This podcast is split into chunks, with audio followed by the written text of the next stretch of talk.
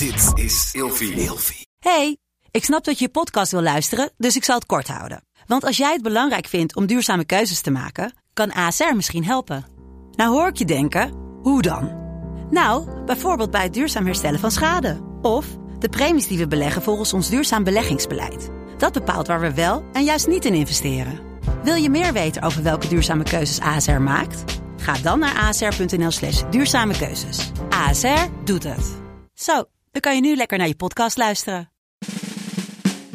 Wat leuk dat je luistert naar de podcast Seks, Relaties en Liefdes. De plek waar ik in gesprek ga met mijn gasten over alle onderwerpen waar eigenlijk veel te weinig over gesproken wordt.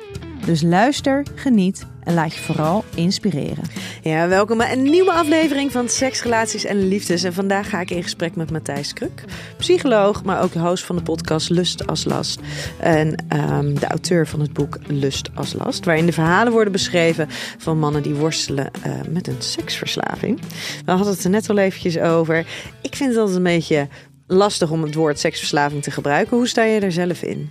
Ja, dat ben ik met je eens. Ik uh, hou niet van de term seksverslaving omdat die wetenschappelijk niet helemaal goed onderbouwd kan worden. En vooral omdat er nogal een stigma op heerst. Dus als je zegt seks en verslaving, dat klinkt best wel zwaar. Ik heb het liever over uh, mensen die seks een te grote plek uh, hebben, zijn gaan geven in hun leven. Ja. Of zijn vastgelopen in seks. Ja, en jij hebt ook een uh, programma ontwikkeld, Mind Your Sex. Voor mannen die graag hun patronen rondom seksualiteit willen ja. veranderen. Ja. Is dat dan eigenlijk een betere beschrijving van datgene wat jij doet ja. of waar je aandacht voor hebben, wil hebben? Ja, nou moet, moet, ik wel bij zeggen dat seks natuurlijk vaak het aangrijpingspunt is waarom mensen zeg maar vastlopen in hun leven, maar eigenlijk zit daar iets onder en dat in het programma, in het Mind Your Sex programma, um, daar gaat het eigenlijk om. Dus wie wil je zijn in het leven en waar wil je verantwoordelijkheid voor nemen en welke ja. keuzes horen daarbij? Ja, en dat onderschatten mensen heel vaak. Hè? Dat seks is inderdaad een gebied waar het vervolgens tot uiting komt. Ja. Maar dat is eigenlijk helemaal niet het probleemgebied of het gebied wat aandacht nodig heeft. Niet altijd in ieder geval. Het begint daar wel mee, maar het wil, wil ook zeggen, als je een probleem met seks hebt, je natuurlijk eigenlijk een probleem met jezelf. Laat ik het zo maar even zeggen. en, uh, en een probleem met je omgeving. Dus het gaat vooral over zelfbewustzijn en omgevingsbewustzijn. Uh, dat je dus als je goed in contact staat met jezelf en met je omgeving. En dat kan zich uiten in seks, maar dat uit zich natuurlijk ook op meerdere vlakken. Ja. ja. Uh, vandaag gaan wij het hebben over de invloed van technologie op onze beleving van seksualiteit en relaties. Uh, zoals porno kijken, dating apps. Want het is heel veel mensen hebben daar volgens mij een mening over. Porno kijken is niet goed voor je. Of die dating apps, hè, de, de, het, is er, er te veel. Um, over het algemeen genomen. Wat is jouw um, idee daarover? Heeft het een te grote invloed op ons leven? Um, ik denk dat de vraag die erboven hangt heeft te maken met technologie. He, want dating apps en porno, dat, die worden gefaciliteerd door technologie. Technologie maakt een grote uh, rol uit in ons leven. Daar hebben we allemaal mee te maken. En ik denk dat de manier waarop die technologie is ontwikkeld, zeker voor dating apps en porno, dat dat tot gevolg heeft dat mensen daar, die daar vatbaar voor zijn, de ene is daar wat vatbaarder voor voor de ander, dat die geleidelijk aan best een grotere rol kan gaan spelen dan je wil. Dus als het gaat om porno en date, dating apps, dat zijn wel twee verschillende dingen. Hè? Want bij een porno is het alleen jij en het scherm. Dus uh, ja, er is niemand anders bij betrokken. Bij dating apps is er per definitie iemand anders bij betrokken. Um, dus de dynamiek is wel wat anders en de functie waarom mensen verzanden in dat gedrag ook.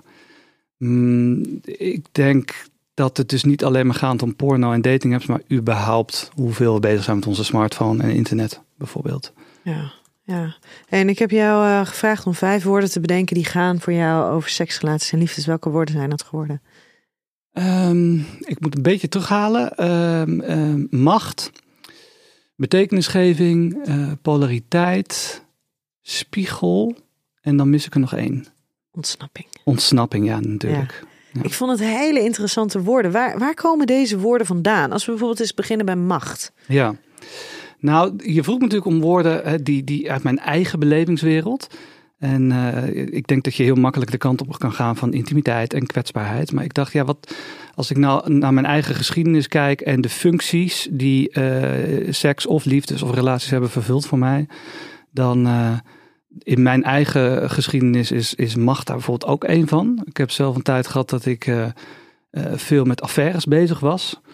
Nou, dat is inmiddels 15 jaar geleden, maar is wel een van de ja, incentives geweest, of in ieder geval begin, beginpunten om mij te verdiepen in het werk wat ik nu doe.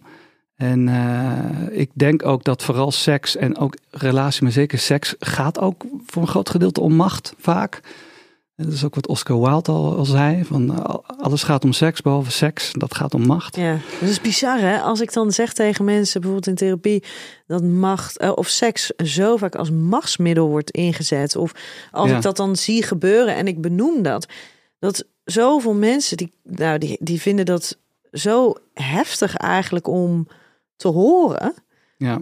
Terwijl het wordt heel vaak, gaat het over macht. Maar kan jij eens uitleggen waarom het in jouw beleving over macht gaat? Wanneer gaat het over macht? Nou, ik denk dat er meerdere facetten zijn. Ten eerste seks in zichzelf, als het gaat om seksuele spanning of opwinding. Maar de spanning gaat ook over uh, tegenstelling en het opzoeken van grenzen en het onbekende en daardoor uh, macht uit handen geven en overgave. Uh, niet voor niets BDSM bijvoorbeeld ook een, een stroming waar dat heel erg natuurlijk zichtbaar wordt. Um, in mijn eigen beleving met mijn affaires bijvoorbeeld, ehm, daar ervoer ik een bepaalde macht die ik kennelijk miste. Als je, als je op zoek bent naar macht, impliceert dat je het niet hebt. Anders zou je niet naar op zoek zijn. En als je bijvoorbeeld uh, controle kwijt bent in het leven of uh, wat. Ja, of je zit helemaal niet lekker in je leven. In mijn geval was dat. Je mist toen een beetje zo. de regie. Ja, dan leven. is dat een manier bijvoorbeeld om toch je op een bepaalde manier machtig te voelen. Uh, nou, dat is een voorbeeld in ieder geval in mijn ja. persoonlijke beleving. Maar dat is wel mooi dat je inderdaad zo duidelijk die de macht kent natuurlijk altijd verschillende facetten, maar inderdaad um, ook het stukje macht als in je kunnen overgeven ja. aan de hand, ander, waarbij het lijkt eigenlijk alsof je een stukje macht misschien wel uit handen geeft, maar aan de andere kant je geeft, uh, of tenminste je, je, je hebt natuurlijk ook heel veel macht op het moment dat je dat kan. Dat je je zo durft over te geven ja. aan een ander. Ja, dat klopt. En daar heb ik laatst heb ik daar een gesprek over gevoerd. En dat vond ik zo mooi. Dat ging namelijk ook hierover. Dat we het heel erg hebben over iets. Uh, ik neem iets. Hè? Ik neem seks. Ik neem penetratie. Ik neem, ik neem die macht. Mm -hmm. Terwijl vanuit het andere perspectief is het eigenlijk veel meer van nee, ik vertrouw jou genoeg om dit te geven. Ja. Jij mag dit nu ja. doen. Ja. Ja, dus ik denk, ik zit nog even na te denken over uh, de relatie tussen seks en macht. Heeft niet alleen met opwinding te maken, maar ook met, ook met bevestiging trouwens. Omdat dat geeft je het, een vorm van bestaansrecht. Um, dat... Is dat dan dus echt oprecht macht? Of is dat dan gewoon inderdaad meer bevestiging? Nou, ik denk dat seks een ultieme manier is om gezien te worden. En we willen allemaal graag gezien worden. We, zijn, we komen in dit leven, we weten niet waar het leven om gaat. Um, we doen maar wat met z'n allen. En op het moment dat er seks is, is een manier om op dat moment samen met in ieder geval één iemand um, uh, de ervaring te hebben dat je ertoe doet. Dus de ervaring dat je ertoe doet. Ik denk dat seks daar een, uh, nou, een heel expliciet voorbeeld van is hoe je dat gevoel kan ervaren. Ja, heb jij ook wel eens, want dat zie ik dan ook wel vaak gebeuren, is dat seks dus echt als machtsmiddel wordt ingezet. Um, ik, geef jou, ik geef jou seks als jij mij intimiteit geeft. Ja, tuurlijk. In de volksmond, ook net, net al wat over de seksverslaving. Nou, die term ben ik niet zo heel erg fan van. Maar je hebt ook de term liefdesverslaving. Uh, dat zie iets vaker zie ik dat in de praktijk bij vrouwen. Uh, die dus seks inzetten als middel om inderdaad wat jij zegt, om ja, uh, intimiteit of liefde of aandacht uh, te krijgen. Um, dus dan is het een uitruil als het ware. Dan, wordt, Ja. dan is het seks als middel. Dus je hebt eigenlijk seks als middel en je hebt seks als doel. Dat zijn twee verschillende, Verschillende dingen. ingangs, ja, Ja. uitgangspunten. Bijzonder hè, als je dan zo eens kijkt naar wat voor eh, dynamieken er allemaal zijn in die seks. En dat er zoveel mensen zijn zich, die zich er helemaal niet bewust van zijn. Hoe ze seks eigenlijk inzetten. Ja. Ja. Ja, ik denk dat eh, ik nodig altijd mensen ertoe uit om bij jezelf na te gaan. Wat is eigenlijk mijn relatie met seks? Dus hoe, hoe, wat zijn mijn waarden daarin? Hoe, wanneer ga ik mijn eigen grenzen over? Wat, wat, wat zijn mijn grenzen en wat, hoe, kom ik bij die van de ander? Dat zijn volgens mij vragen die mensen meestal niet eens stellen Nee. als het gaat om seksualiteit. Gaat dat dan, want je benoemde ook als woord betekenisgeving. Dat is een van jouw vijf woorden. Slaat dat daar dan ook weer een beetje op? Van wat betekent seks nou eigenlijk voor je? Eh, ja, ik denk dat seks, maar ook liefde en, en relaties, die, die laten jou natuurlijk zien wie jij bent of wie je zou willen zijn in dit leven. Dus het gaat heel erg over, ehm, ja, wat ik zeg, over jouw waarden en wie, wie, wie ben ik. En eh, ik denk dat in mijn geval, door de relaties die ik heb gehad en ook door de seksuele ontmoetingen bijvoorbeeld, dat ik steeds een beter idee krijg van ja, wie, eh, wat voor impact wil ik maken op deze wereld. Dus dan gaat het niet om seks, maar ook over, volgens mij komt hè, hoe je. Hoe, hoe, je, hoe, hoe je één ding doet, doe je in feite alles. Hè? Dus hoe jij seks beleeft, zo presenteer jij in feite ook naar anderen. Dat is trouwens een gevaarlijke uitspraak die ik nu zeg, denk ik. Ja? Vraag ik me af. Nou, ik vind hem wel een interessante. Nou, ik, ik, ik, ik zit er hard op te denken, omdat volgens mij, je kunt ook precies andersom. Hè. Het negatief daarvan is dat jij bijvoorbeeld een hele keurige man bent, bijvoorbeeld, maar in seks ben jij totaal iemand anders. Dus daarom gebruik ik ook het woord ontsnapping. Mhm. Eh, dan is seks, of eh, ja, in dit geval seks, is een manier om je. ehm, om meerdere kanten van jezelf te ontdekken of om meerdere versies van jezelf te beleven. Oké, want, ik, want ik vind het namelijk wel interessant hoor, wat je zegt. Want inderdaad, aan de ene kant zie je dus eh, eh, mensen inderdaad die in het dagelijks leven zich op een bepaalde manier profileren. En niet alleen misschien profileren, maar gewoon op een bepaalde manier zijn.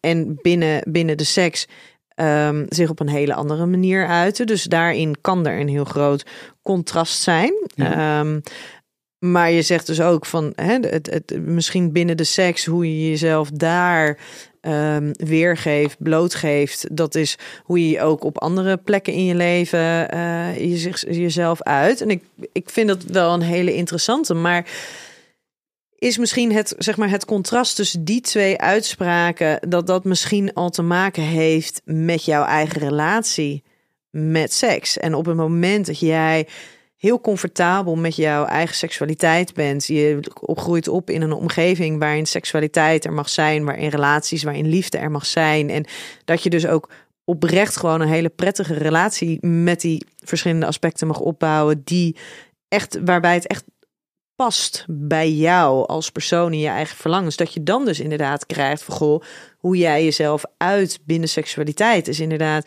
hoe je jezelf uit op andere gebieden in het leven. Terwijl als, als dat er dus niet is, die vrijheid is er niet, die mogelijkheid is er niet, dat je dan vaker die contrasten krijgt. Uh, ja, ik zit even na, hè, waar jij het in feite denk ik over hebt, is van als je opgroeit in een, uh, nou, of in een gezin of in een grotere, in een bredere bedding, een cultuur waarin je in feite mag uh, zijn wie je bent. En dat dat oké is. Uh, ja, dan denk ik dat je je seksualiteit uh, op een gezonde manier uh, vrijelijk kunt beleven.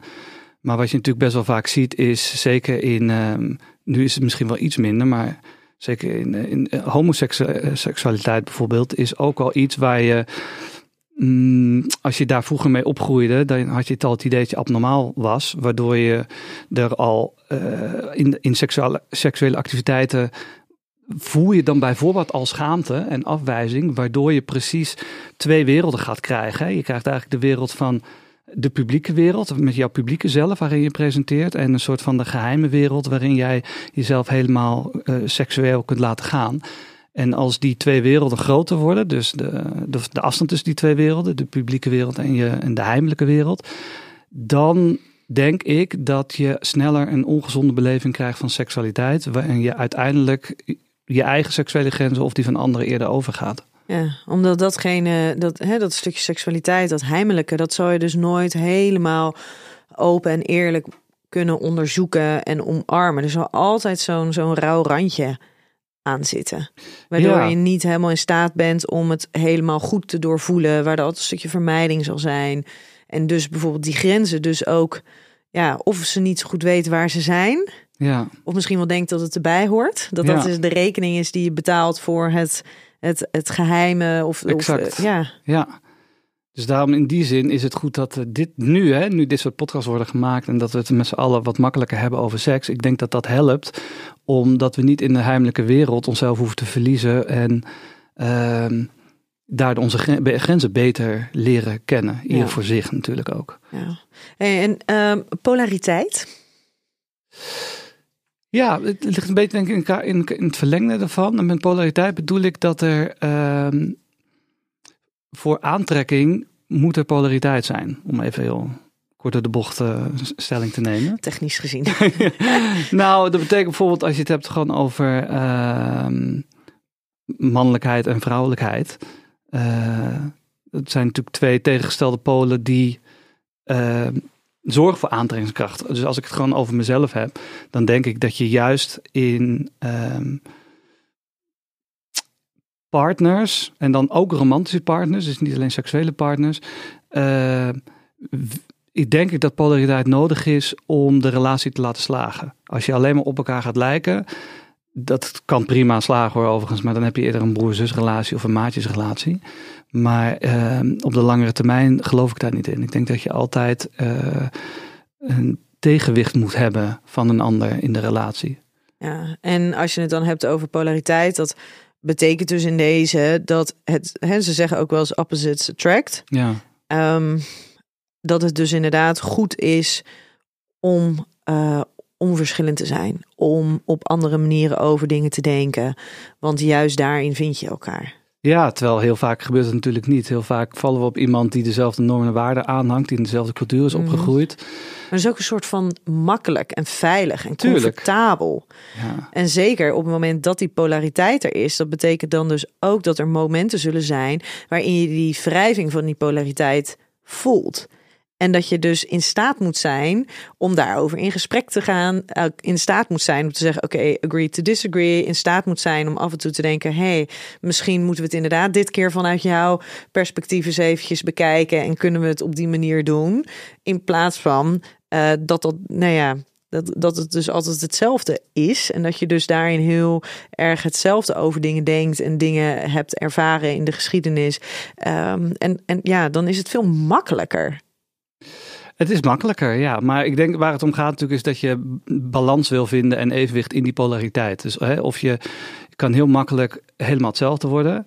Of helemaal verschillend worden en altijd ruzie maken, bij wijze van spreken. Ja, maar dan moet je, dat is dus inderdaad het verschil tussen heb je die polariteit en, en kan jij met die wrijving omgaan of niet? Ja, Botst het? Of wrijft het af en toe en kom je dan weer bij, bij, hè, bij de uitspraak ja, zonder wrijving geen glans? ja. dat is ook En die ja. wrijving maakt natuurlijk ook weer dat je kan gaan groeien met z'n tweeën. Ja, en individueel. Dus ik denk, ehm, ja, ik denk dat het belangrijk is dat eh, voor mij, hè, want dit zijn mijn woorden natuurlijk, Mhm, dat, dat, dat, dat, dat ik heb altijd eh, in relaties eh, in die zin polariteit gezocht, omdat het mij heeft geholpen te, te groeien en mezelf te slijpen aan de ander, als het ware. Ja. Is dat altijd prettig? Nee, helemaal niet. Nee. Nee? Nee, want als er wrijving is, ik heb ook een relatie gehad met echt heel veel wrijving. Nou, dat, was, dat, dat ging richting destructief. Terwijl je kan ook constructieve wrijving hebben. Dus ik, ik zou zeggen dat ik nu in een relatie zit waar dat absoluut wel het geval is.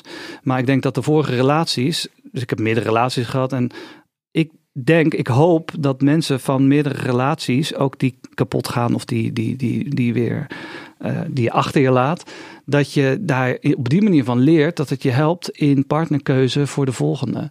Maar heel veel mensen, ja, zeker liefde gaat niet altijd om bewuste keuzes. Maar ik denk dat als je altijd dezelfde partners blijft uitzoeken, dan dat, dat is eigenlijk een signaal dat er geen groei is. Geen persoonlijke groei in ieder geval. Ja. Ja. Hey, ik heb voor jou eh, vijf kutkeuzes. Oh ja, nou, kom maar door. Seksualiteit of intimiteit? Ik ga gewoon intuïtief eh, antwoord geven en dan zou ik eerder zeggen seksualiteit. Ja. Waarom? Omdat het me meer triggert en het raakt me meer, is spannender. Uh, intimiteit voelt. Het kan ook heel spannend zijn, maar seksualiteit, daar, daar, daar, daar voel ik wat meer reuring bij binnen in mezelf. En daar zou ik meer van willen weten. En intimiteit, ja, doet wat minder. Ook oké, denk ik dan. oké. ja, Stel je zou in je huidige relatie de intimiteit weghalen. Word je daar, wordt je relatie daar, wat, wat doet dat met je relatie? Ja, die is veel minder waard. Die, die is, heeft, verliest heel veel bestaansrecht ook. Dus als je het hebt over. Uh, uh, ja, als je het hebt over.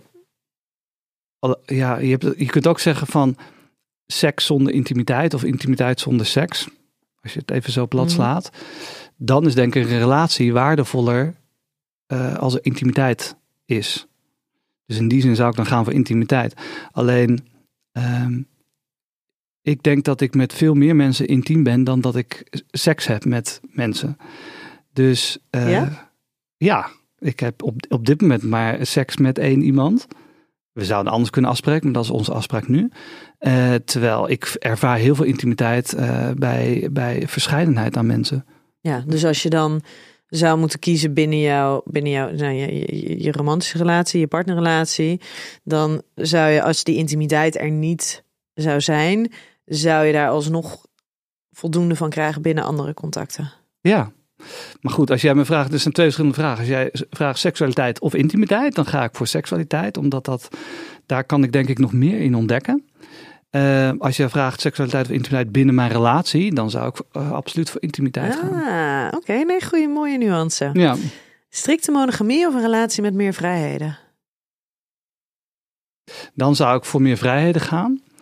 Uh, maar dat heeft er vooral mee te maken dat, uh, wat jij letterlijk nu zegt, strikt. Dat, dat, ik denk dat striktheid, voor mij, maar ik denk voor heel veel mensen, maar goed, laat ik voor mezelf spreken, dat striktheid uh, niet werkt. Ik denk dat je altijd een mogelijkheid moet eh, openhouden dat het ook anders kan. Als je die, eh, en dat, dat hebben wij nu ook. Ik heb mijn, nu in mijn huidige relatie. Evalueren we om de zoveel tijd, hoe staan we eigenlijk in? Zouden we eigenlijk een, een opene relatie willen of willen we hem gesloten houden? En wat zijn daar dan de redenen voor? En wat is dan open? Ja, tuurlijk, want dat is, dat is natuurlijk dat is zo'n waaier aan mogelijkheden. Maar het, het, feit dat ik dit kan bespreken, dat het niet in vast, uh, dat het niet in, in, in bijt, wat is het, in steen gebeiteld staat. Uh, daardoor vind ik het makkelijker om de monogamie zoals wij dat nu uh, hebben afgesproken te continueren. Ja, bijzonder is dat, hè? Dat hoor je eigenlijk best wel vaak. Dat mensen die dan de, hebben afgesproken. Um, er, er, er, er zijn mogelijkheden, zolang het in duidelijke, als er duidelijke communicatie is en voldoende verbinding en we blijven dat bespreken. En um, dan zitten we niet voor altijd vast binnen dat hele strikte monogame beeld. Dat mensen dan ineens helemaal niet de behoefte hebben om, om daar dus iets mee te doen. Omdat ze merken, we hebben, die, we hebben die vrijheid eventueel om het aan te geven als we die behoefte hebben. En dat, dat geeft al zoveel lucht. Nou, dat, wat je zegt, daar zit al de vrijheid in. Ja. Dus de vrijheid is nooit, hoeft niet per se in regels te zitten, maar het kan ook wel in de communicatie over die regels zitten. Ja. ja. Geven of ontvangen in de seks? Ontvangen dan. Ja? ja. Ja, ik zit hem even zo te doorvoelen. Toen dacht ik, dat is eigenlijk best een hele mooie vraag. Uh, maar ik denk dat als je, als je ja, als ik hem even gewoon plat sla, dan is ontvangen uh, echt een, een sensatie die meer met mijn lichaam en mijn, mijn uh, geest doet dan geven. Meer gericht op jou en op jouw opwinding. Ja, ja. Makkelijk, het makkelijkste antwoord is natuurlijk van allebei, maar nee, je moet kiezen. Daarom dan. Ja. Mensen die niet durven kiezen, dat is. Ja, ik moet zeggen, ik krijg ver, verrassend vaak op deze geven. Ja. Dat mensen het best wel lastig vinden om te ontvangen. Nou, ja, dat, dat kan me voorstellen. Maar ik, ik, ik zat die vraag zo, hè, ik zat ja. zo die keuze zo door mijn lichaam te laten gaan, zeg maar. En toen dacht ik, ja, ik ben eigenlijk best wel goed in ontvangen. Ah, heel goed. Heel goed. Nou, dat is, zeker in de seks is dat ook absoluut een kunst. Ja, ja wat maakt het zo moeilijk hè, voor mensen om te ontvangen? Um, de aandacht is op, op hen gericht. Ja, dat weet ik, ja. Ja. ja. Ja. Porno of fantaseren? Fantaseren dan. Kan jij dat goed? Eh, ja, is grappig genoeg. Ik zit nu over na te denken dat vroeger, eh, vroeger, dan, dan praat ik echt over eh, mijn puberteit. Toen, dat was jaren, mid jaren negentig ongeveer. Toen was er helemaal niet zoveel porno. En toen was ik, ik ben minder goed geworden in fantaseren. Om, eh, zeker omdat porno is makkelijker. Nu heb ik af en toe vanwege ook het programma in een programma, dat duurt dan drie maanden en dan kijken we sowieso geen porno. We is zeg maar de groep die meedoet en dan doe ik ook mee. En ik merk dat dan altijd eh, dat mijn fantasiekracht als het ware weer toeneemt. En eh, grappig genoeg, even een, een, een leuk weetje misschien, maar toen ik eh, in mijn puberteit zat, toen schreef ik wel eens seksverhalen. Wat natuurlijk, eh, eh, ja, dat is ook verbeelding. Ja. En, ehm, en toevallig bij het laatste programma, toen heb ik dat weer een keer gedaan. Maar dat is echt twintig jaar geleden of zo dat ik dat voor laatst heb gedaan. Ja. Dat is eigenlijk veel leuker om, en, en beklijvender. Ja, Ja. want heel veel mensen zijn heel slecht geworden in fantaseren, omdat ze eh, er nog zelden gebruik van maken. Ja, als je het hebt over het onderwerp, of in ieder geval waar- waarmee jij ook begonnen, waar we het over hebben, onder andere is technologie en de invloed ervan op onze seksuele beleving. Ik denk dat de invloed van technologie in zijn algemeenheid, it kills the creativity. Dus de creativiteit die wordt eigenlijk meer, ehm, het wordt veel makkelijker om naar de technologie te gaan. Het is misschien een heel slecht voorbeeld dit hoor, maar als je een discussie hebt met meerdere mensen en het gaat ergens over en dan iemand weet iets niet, dan gaat iemand meteen zeggen: Oh, dat zoek ik even op op Google. Terwijl ik zeg dan altijd: Of het nou, in plaats van het op te zoeken, kun je het ook gewoon zelf of gaan beredeneren wat het antwoord zou kunnen zijn. Of gaan beredeneren waarom het interessant is om het wel of niet te weten. En dan, dan, dan, dan dat is veel waardevoller, of dat vind ik waardevoller, dan het gewoon opzoeken. Want dan, ja, dan heb je dat afgevinkt en dan ga je weer door. Er zit Ja. geen diepte in technologie in dat opzicht. Ja, bijzonder is dat inderdaad. Ja. Hè? Dat, hoe makkelijk is het nou van eh, we googelen het eventjes. In Ja. plaats van om na te denken. Goh, maar wat, wat, wat denken we hier eigenlijk van? Als we gewoon eens even proberen logisch na te denken. En dan, dan hoeven we helemaal niet eh, dat het gaat om de waarheid. Of, of om de enige werkelijkheid die, die we ontdekken. Maar Mm. gewoon in het van, goh, wat, wat zouden de mogelijkheden eigenlijk zijn? Ja, dus, dus, dus ja, je, je wordt er lui van, dat is één. Plus, ook met technologie, wat er ook gebeurt, zeker met dit voorbeeld van als je even gaat googlen, je treedt uit contact.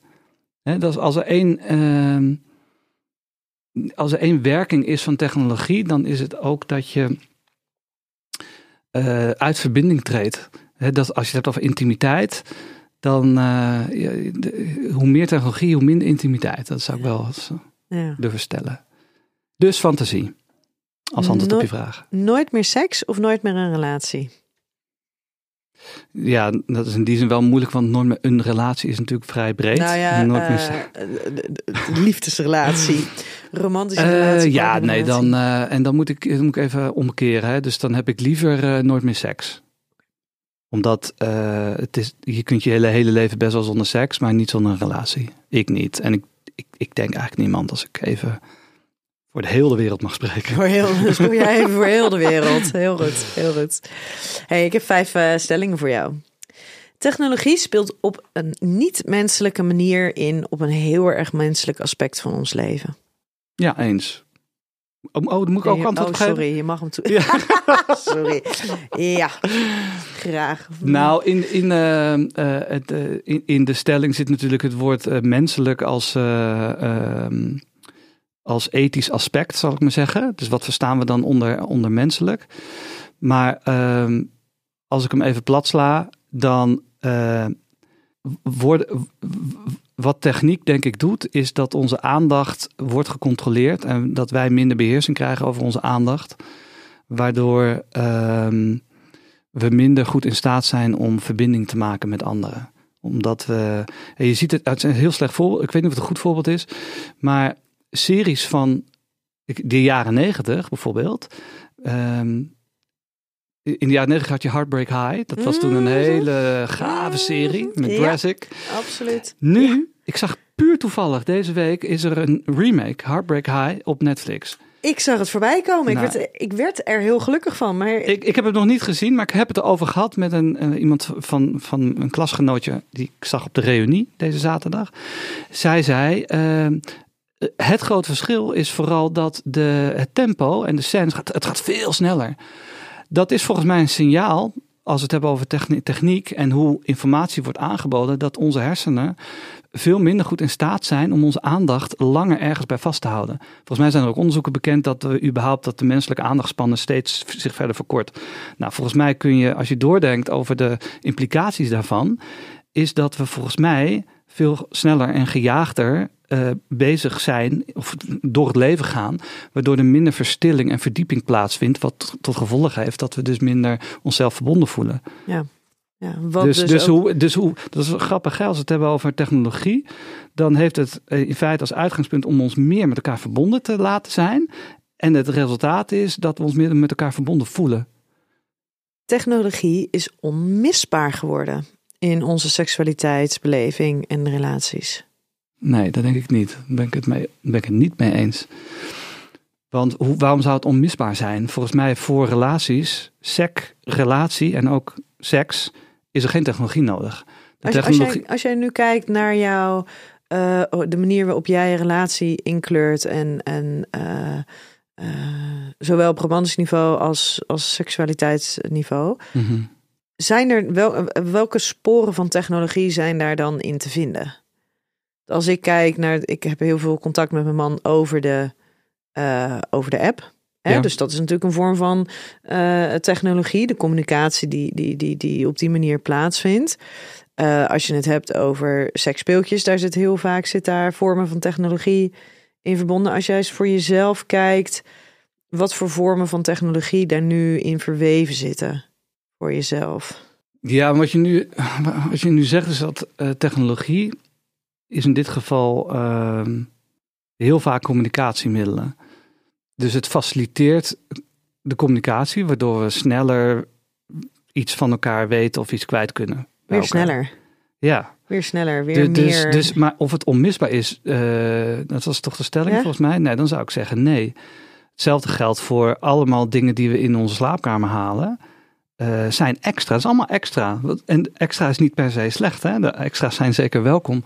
Maar of, dat, of die extra's onmisbaar zijn, ik denk het niet. Ik denk dat de, de, in essentie, sterker nog, ik ga, ik ga zelf weer even een stelling poneren.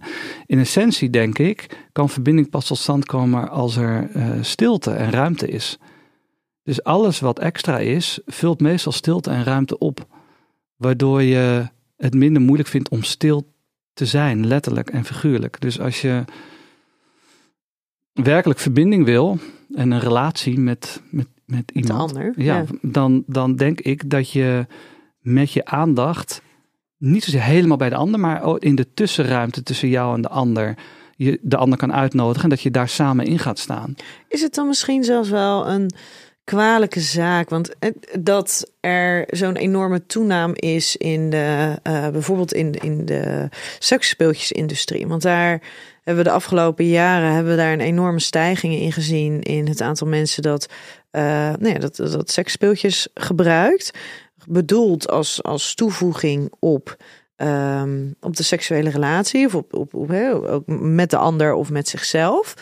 Maar voor heel veel mensen is dat niet alleen maar een toegevoegde waarde, maar is het natuurlijk in de, ook in de hoop om die seksuele relatie gewoon überhaupt prettig of beter te maken. Om daar meer, überhaupt meer prikkeling en opwinding te ervaren. Ja, Dus zou je dan misschien zelfs kunnen zeggen, nou misschien is dat dus wel een kwalijke zaak. Want zo gaan we eigenlijk een beetje voorbij aan datgene waar, waar seksualiteit, waar liefdes, waar relaties eigenlijk echt om gaan. En dat is namelijk echt die verbinding aangaan samen. ja, nou ja, een toename of afname van iets is op zichzelf nooit van zichzelf een kwalijke zaak. Ik denk dat het wat kwalijk eerder is, is dat we in een samenleving leven waarin we al snel worden gewezen op wat er niet goed is of dat we een tekort aan iets hebben. En daarin met die boodschap snel meegaan. Dat zou je het kapitalistische perspectief kunnen noemen. Maar ik denk dat het waar het vooral om gaat, is dat je. We zijn, worden inmiddels door technologie zeker, worden we eh, verwend als het ware. En ook ons eh, wordt de boodschap voorgehouden dat we iets buiten onszelf moeten zoeken en kopen. En eh, tot ons nemen om onszelf, uh, om iets te verbeteren aan onszelf. Terwijl de weg ja, ligt altijd naar binnen. Als er iets niet is wat helemaal lekker loopt seksueel tussen jullie, dan kan je zeker wel wat speeltjes of wat ik veel. Hè? Dat, je mag experimenteren is supergoed, denk ik. En omdat dat juist de mogelijkheden vergroot.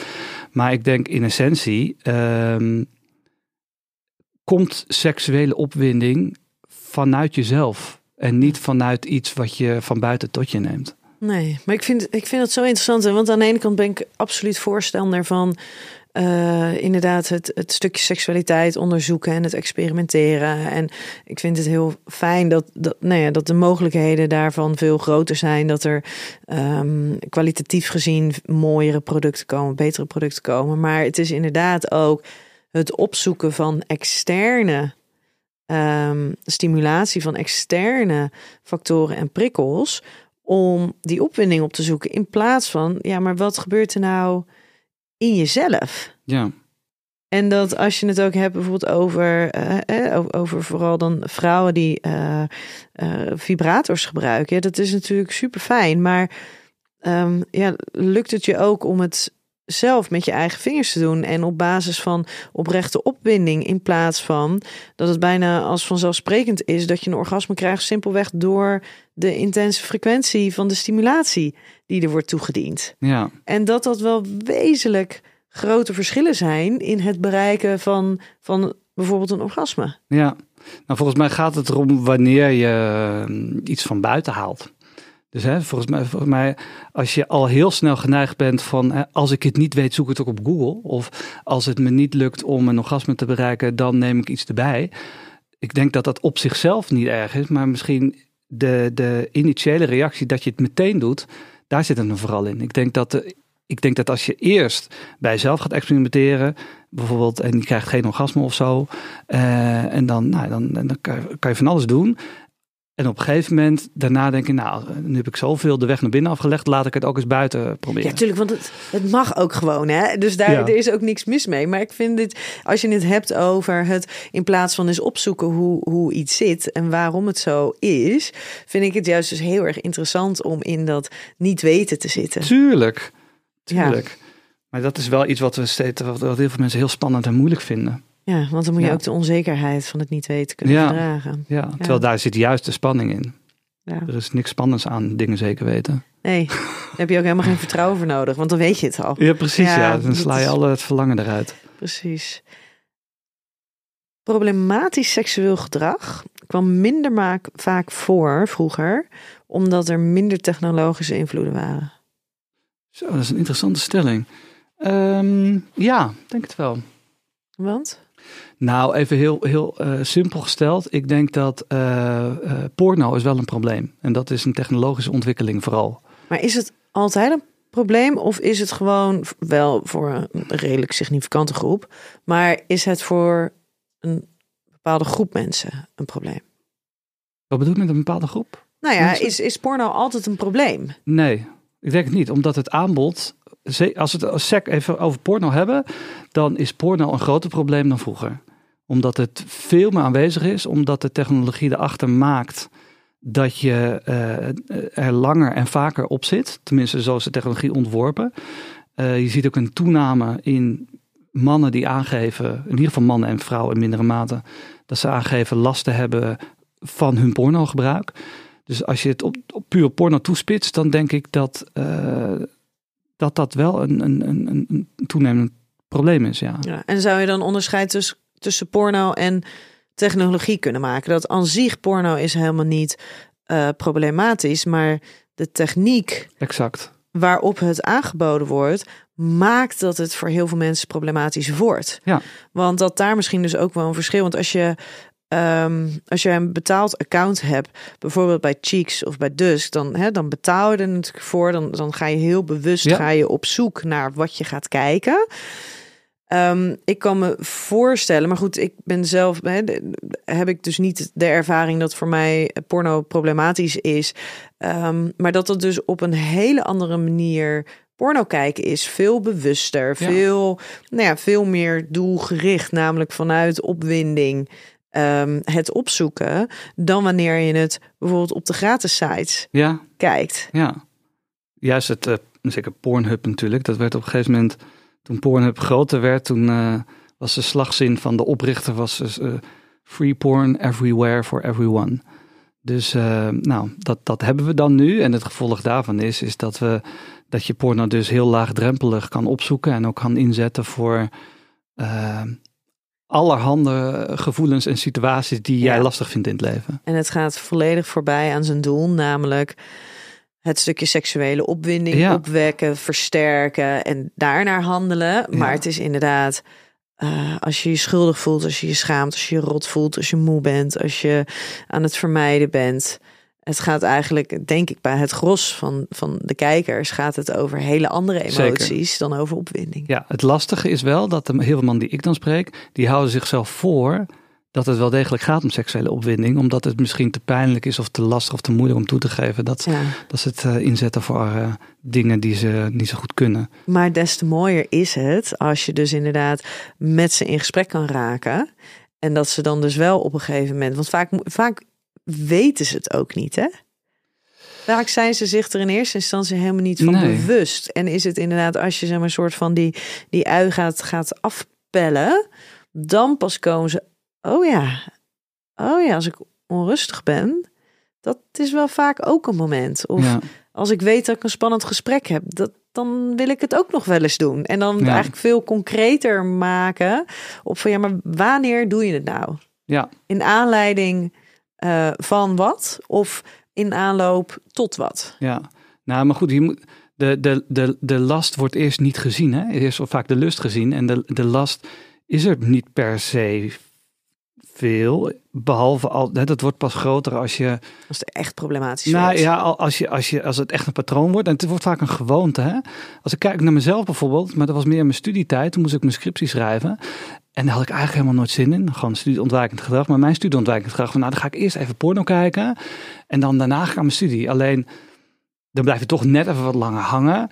En dan, en dan weet je wel, dus je, op een gegeven moment kom je ook in tijdnood. Alleen, ja, dat, je, je legt, ik leg in ieder geval niet meteen het verband tussen... Ik doe wel erg lang over mijn scriptie en porno kijken. Terwijl achteraf gezien is dat ontzettend logisch. En ik denk dat dat voor heel veel mannen geldt. En ja, dus dat ze een, een, eh, nog niet het verband leggen tussen hun... eh, dat pornogebruik denken ze dat, ze op zich, dat op zichzelf staat. Terwijl de man die ik zie, maar ik denk dat er veel meer mannen zijn... die zeggen tegen me van ja, ik, ik, het maakt ook dat ik minder initiatief neem in het leven. Minder eh, voor mezelf ga staan. Minder... eh, ja, misschien iets grotere dingen als een nieuwe baan ga zoeken, omdat ik eigenlijk al weet dat ik hiermee moet stoppen. Maar snap je, het, het, het initiatief eh, wordt eruit geramd door porno. Ja, ik moest eventjes lachen en ik lachte je absoluut niet uit. Nee, maar als je dan inderdaad het hebt over... ehm, en waarom duurde het zo lang voordat je stripsie af was? En dat je dan gewoon... Nou ja, ik heb te veel porno gekeken. Ja, maar ik denk Ja. dat er echt wel inderdaad meerdere mensen zijn... die zich hierin kunnen, eh, kunnen herkennen. Oh, dat weet ik wel zeker, maar dat komt omdat ik die mannen ook wel, jonge ja, mannen precies. En, en jij weet ook, als het mij overkomt... Hè, zo uniek zijn we niet... dan zijn er ook andere mensen Ja. bij wie dit gebeurt. Plus, ik bedoel, bij mij is het nu, dit is al 15 jaar geleden ongeveer. eh, maar als je het me toen had gevraagd, dan had ik me wel geschaamd en het niet durven toegeven, denk ik. Omdat het dan ook iets zou doen met eh, het mijn zelfbeeld. Namelijk, hè, je ziet jezelf als iemand die, nou, je wil een positief zelfbeeld hebben. En vaak klopt eh, het, het, het, het beeld dat jij, zeg maar, ja, beheerst wordt door iets anders buiten jou wat je niet zelf kunt beheersen. Dus jij wordt geleid in plaats van dat je zelf leidt. Dat, is, eh, dat past vaak niet bij je zelfbeeld, dus ontken je dat. Ja. Als je oprechte seksuele verbinding met je partner wil aangaan, kan je beter geen porno kijken. Nee, daar ben ik het niet mee eens. Ik, ik, ik moest wel lang even, want er zit natuurlijk een, een, een, een bepaalde grens aan. Als je echt heel veel bezig bent met porno, dan denk ik dat het lastig wordt om überhaupt veel verbinding te maken met een ander. Omdat Dat je ook. weten we ook, Ja, dat, dat, ja. dat het lastiger wordt. Dus, eh, maar goed, ik ben niet van de school dat je helemaal geen porno zou moeten kijken. Omdat ik denk dat daar ook heel veel. Nou, er zit ook gewoon. eh, eh, Het is ook fijn om te kijken. Dus, ik, dus eh, wat ik wel eerder zou willen propageren, bijvoorbeeld wat jij net zei over dat je een betaald account hebt of die gaat er echt voor zitten. Maar heel veel mannen die al hierin zijn vastgelopen, daarvan blijft het altijd wel een beetje een gevoeligheid. Dus kan je misschien beter ervoor kiezen om het echt niet te doen. Uh, maar ik denk dat iedereen voor zichzelf daar een eigen weg in moet vinden. Um, ik heb nu een online training, die heet ook Grip op Porno. Vooral omdat uh, ik niet wil dat, dat ik de boodschap ga verkondigen dat porno per definitie slecht is, dat je het per definitie niet moet doen. Maar ik denk wel dat je, ja, het klinkt een bijna, het is een beetje zoals met alcohol, dat als jij daar ooit een moeizame relatie mee hebt ontwikkeld, dan heb je dat voor je rest van je leven waarschijnlijk wel. En met porno blijft daar ook een gevoeligheid in zitten. Ja. En dat, dat zit dan niet in de porno, maar de gevoeligheid is dat jij kennelijk iemand bent die toch wel uh, snel ergens in wil ontsnappen of iets wil vermijden. Ja, en als je het dan hebt over, uh, over dat stukje technologie. Ik heb ook inderdaad echt wel cliënten van mij gehoord. En die gaan dan tussen meetings in, lopen ze met een telefoon naar de wc toe op werk. Ja, die ken ik. Ja, en dan hebben ze dus door de huidige technologie, en dat is waarschijnlijk inderdaad ook wat je net zei, van ja, door de technologische ontwikkeling is porno nu wel een groter probleem.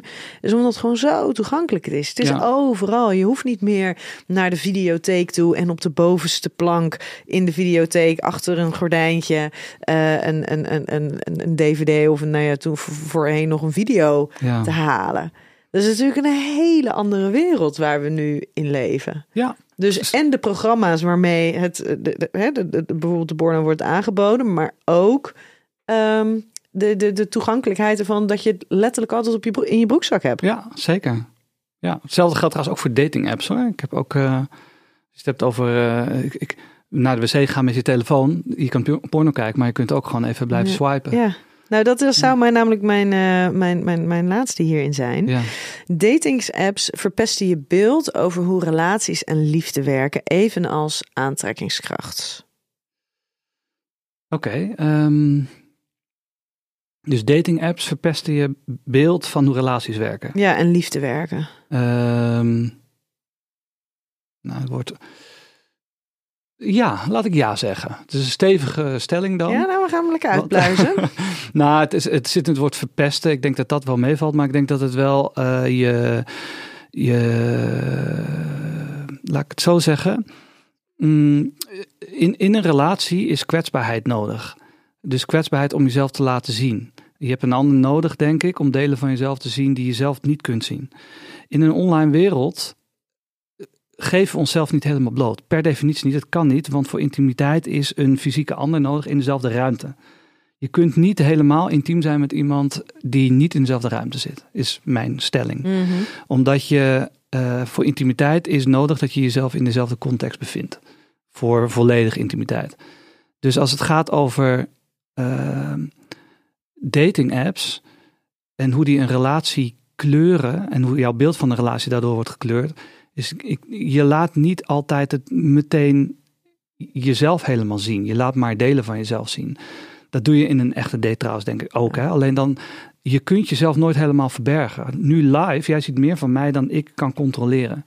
Als ik met jou een appgesprek heb nu, dan kan ik veel meer mijn eigen communicatie controleren. Dus, dus, Bewust dan wel onbewust. Ja, dus is er veel minder kwetsbaarheid en ook minder intimiteit. En ook in een, in een, bij een date kun ben je veel is veel kwetsbaarder, want de afwijzing ligt veel meer op de loer. Terwijl bij dating apps, we leren niet meer omgaan met afwijzing. En ik denk dat, dat niet meer. Echt serieus een groot probleem. Dat is een heel groot probleem. Echt een heel groot probleem. Ik bedoel, seksueel grens, dat is weer een iets anders, maar seksueel grensoverschrijdend gedrag en MeToo gaat voor een heel groot gedeelte over mannen die niet kunnen omgaan met afwijzing. Absoluut, helemaal mee eens. Dus het feit dat we niet kunnen omgaan met afwijzing en dat we een zelfbeeld hebben wat online heel ver afstaat van de werkelijkheid. Ja, dan, daarom zeg ik ja op de stelling dat is die dating apps wel, uh, dat verpesten ja, die relatie. Terwijl aan de andere kant zijn er natuurlijk ook heel veel mensen.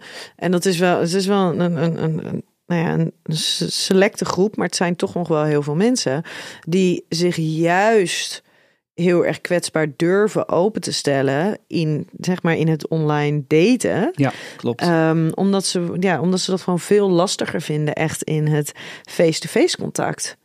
dat ze sociaal niet vaardig genoeg zijn, of dat ze zich dusdanig bewust zijn van zichzelf, dat het, dat het niet lukt om daarin zichzelf kwetsbaar op te stellen. En dat dat voor hun gevoel wel lukt als, uh, nou, als er dus een scherm tussen zit. Ja, de vraag is uh, of dat ook werkt op de langere termijn. Hè? Want dan stel je jezelf kwetsbaar op op die manier. Dus iemand anders leert jou kennen op die manier. Dan ga elkaar in live in contact zien. En dan blijkt dat dat eigenlijk uh, toch wel niet helemaal zo lekker loopt. Dus heb je jezelf dan echt laten kennen? Ja, daar zit natuurlijk heel veel van de teleurstelling. Ja. Nou ja, maar als je jezelf wel echt goed kent, maar jij, hè, je kan online, kan jij, ben, je, ben je vaardig in het, in het chatten. Je bent goed in, in je woorden en je zinnen die je gebruikt. Maar op het moment dat je tegenover elkaar zit, um, ben je gewoon sociaal gezien, word je heel erg onhandig. Je mhm. wordt je heel erg bewust van hoe je erbij zit, hoe je eruit ziet. Je bent continu, ben je soort van op metacommunicatieniveau ben je bezig. Wat zal de ander nu van mij denken? Of wat zal de ander nu van mij vinden? Ja, dan denk ik niet dat je jezelf zozeer op een andere manier hebt geuit of geprofileerd online. Maar dat je dus echt gewoon. We, hè, iedereen weet dat er mensen zijn die gewoon sociaal gezien heel erg onhandig zijn. En dat is geen onwil, maar dat is meer een onvermogen. Ja, maar de technologie haalt precies dat in stand. Want juist omdat we ons kunnen verschuilen achter technologie, leren we die sociale vaardigheden niet. Dus hè, de sociale vaardigheden, denk ik, gaan op termijn wel een klein beetje achteruit. Ja, nee, dat is natuurlijk ook wat er uh, de laatste jaren met uh, Seks onder je 25ste van Rutgers ja. onderzoek. Dat we zien dat, dat de, de, de, leeftijd waarop de helft van de jongeren daadwerkelijk uh, seksueel actief is. En dat nee, het gaat onder andere ook over penetratieseks, maar ook over andere handelingen, zoenen, strelen, masturbatie, orale seks. Dat, dat jongeren alleen maar ouder worden. Ja um, in wanneer ze dat voor het eerst gaan doen. Terwijl een van de dingen die daarbij wordt aangevoerd, nou, er zijn eigenlijk twee. Aan de ene kant is het, is het soort van mooi dat mensen dus uh, bewuster daarin beslissingen maken. Als dat inderdaad is wat er speelt, dan is dat natuurlijk alleen maar heel erg goed. Maar ze zijn toch wel heel erg bang dat dat onder de andere komt door verminderde vaardigheden, dat hele speelveld van, van flirten, van, van onderzoeken, experimenteren. Uh, nou ja, we hadden de, de, de, vroeger dat je, dat je na school ergens in een, in een steegje stond.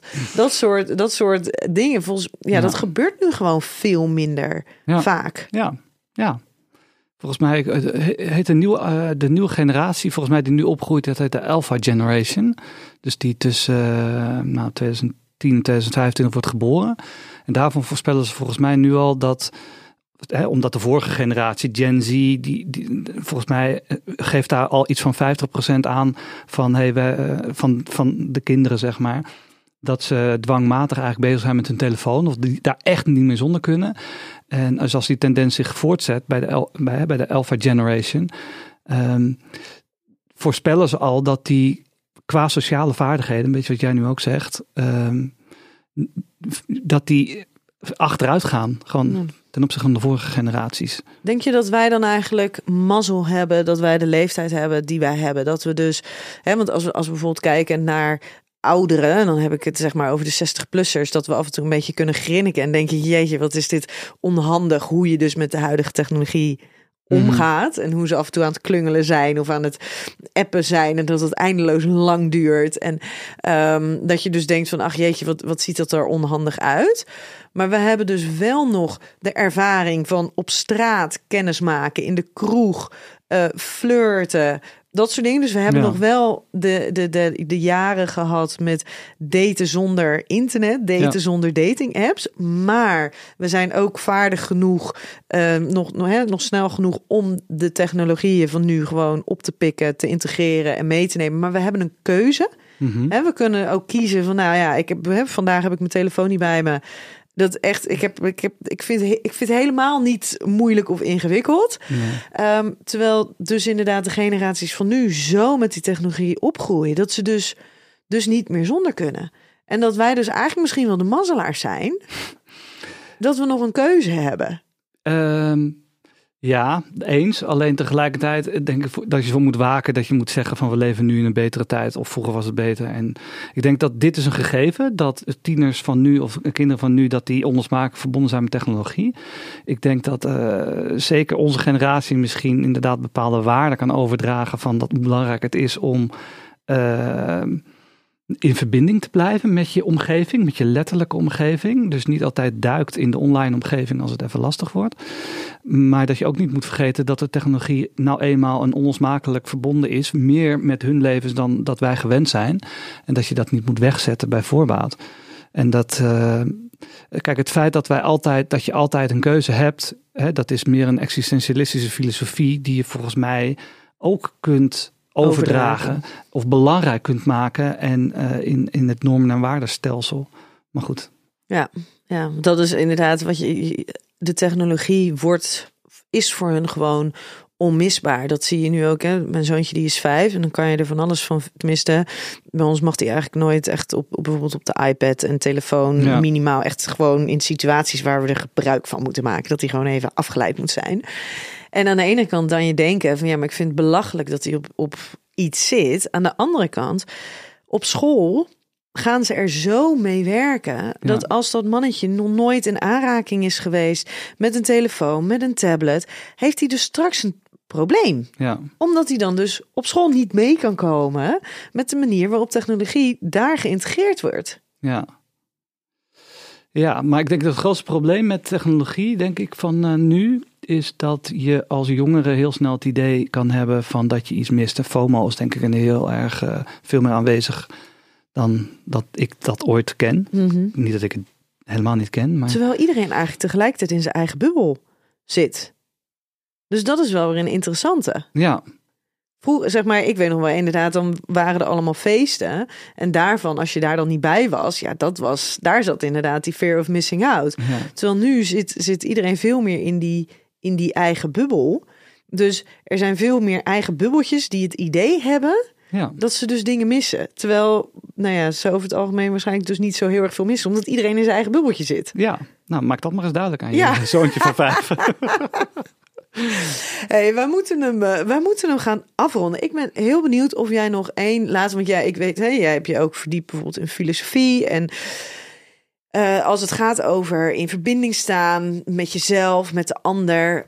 Als we dan met z'n allen opgroeien in een wereld waarin technologie zo verweven is in door onze seksualiteit heen of de manier waarop wij uh, nou ja, in, in gebruik maken van, van seksualiteit of mogelijkheden uh, in onze relaties, in het zoeken naar de liefde.